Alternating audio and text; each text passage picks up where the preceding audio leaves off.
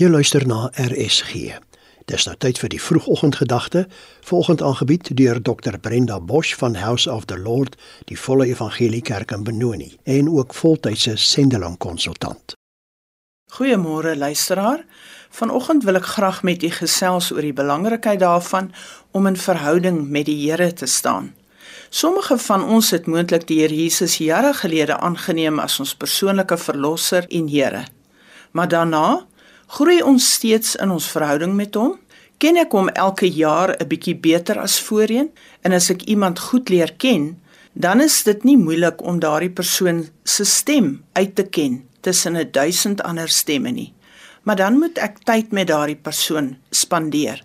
Ek moet dit kan geniet om in daardie persoon se teenwoordigheid te wees. Ons moet vriende wees. In Johannes 15 vers 15 sê Jesus: Ek noem julle nie meer diensknegte nie, omdat die dienskneg nie weet wat sy heer doen nie, maar ek het julle vriende genoem, omdat ek alles wat ek van my Vader gehoor het aan julle bekend gemaak het.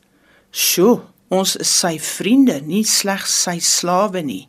Vriende kuier by mekaar. Hulle hou van mekaar. Hulle hou daarvan om in mekaar se teenwoordigheid te wees. Hulle gesels. Hulle deel hulle lief en leed met mekaar. Hulle luister. Hulle deel hulle lag en hul ween. Hulle gee en hulle neem. Vriendskap kom van twee kante af.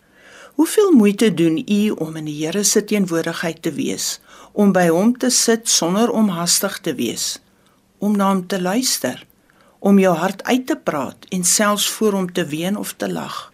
Kan jy hom vertel wanneer jy gefaal het? Deel jy dit met hom wanneer jy in die natuur sit en na iets moois kyk of as jy iets geniet het of is hy slegs deel van jou stilte tyd maar geen ander deel van jou dag nie. As ons werklik sy vriende is dan mis hy jou wanneer jy nie opdaag nie. Die Here verlang na jou. Hy wag met reikhalsende verlange om met jou tyd te spandeer word bewus van sy teenwoordigheid dwars deur jou dag en praat met hom van tyd tot tyd. Ons is sy vriende. Wat 'n wonderlike voorreg.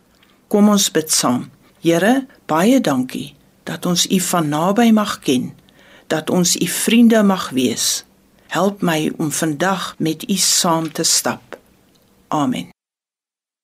Dit was die vroegoggendgedagte hier op RSG, aangebied deur Dr Brenda Bosch van House of the Lord, die Volle Evangelie Kerk in Benoni en ook voltydse sendeling konsultant.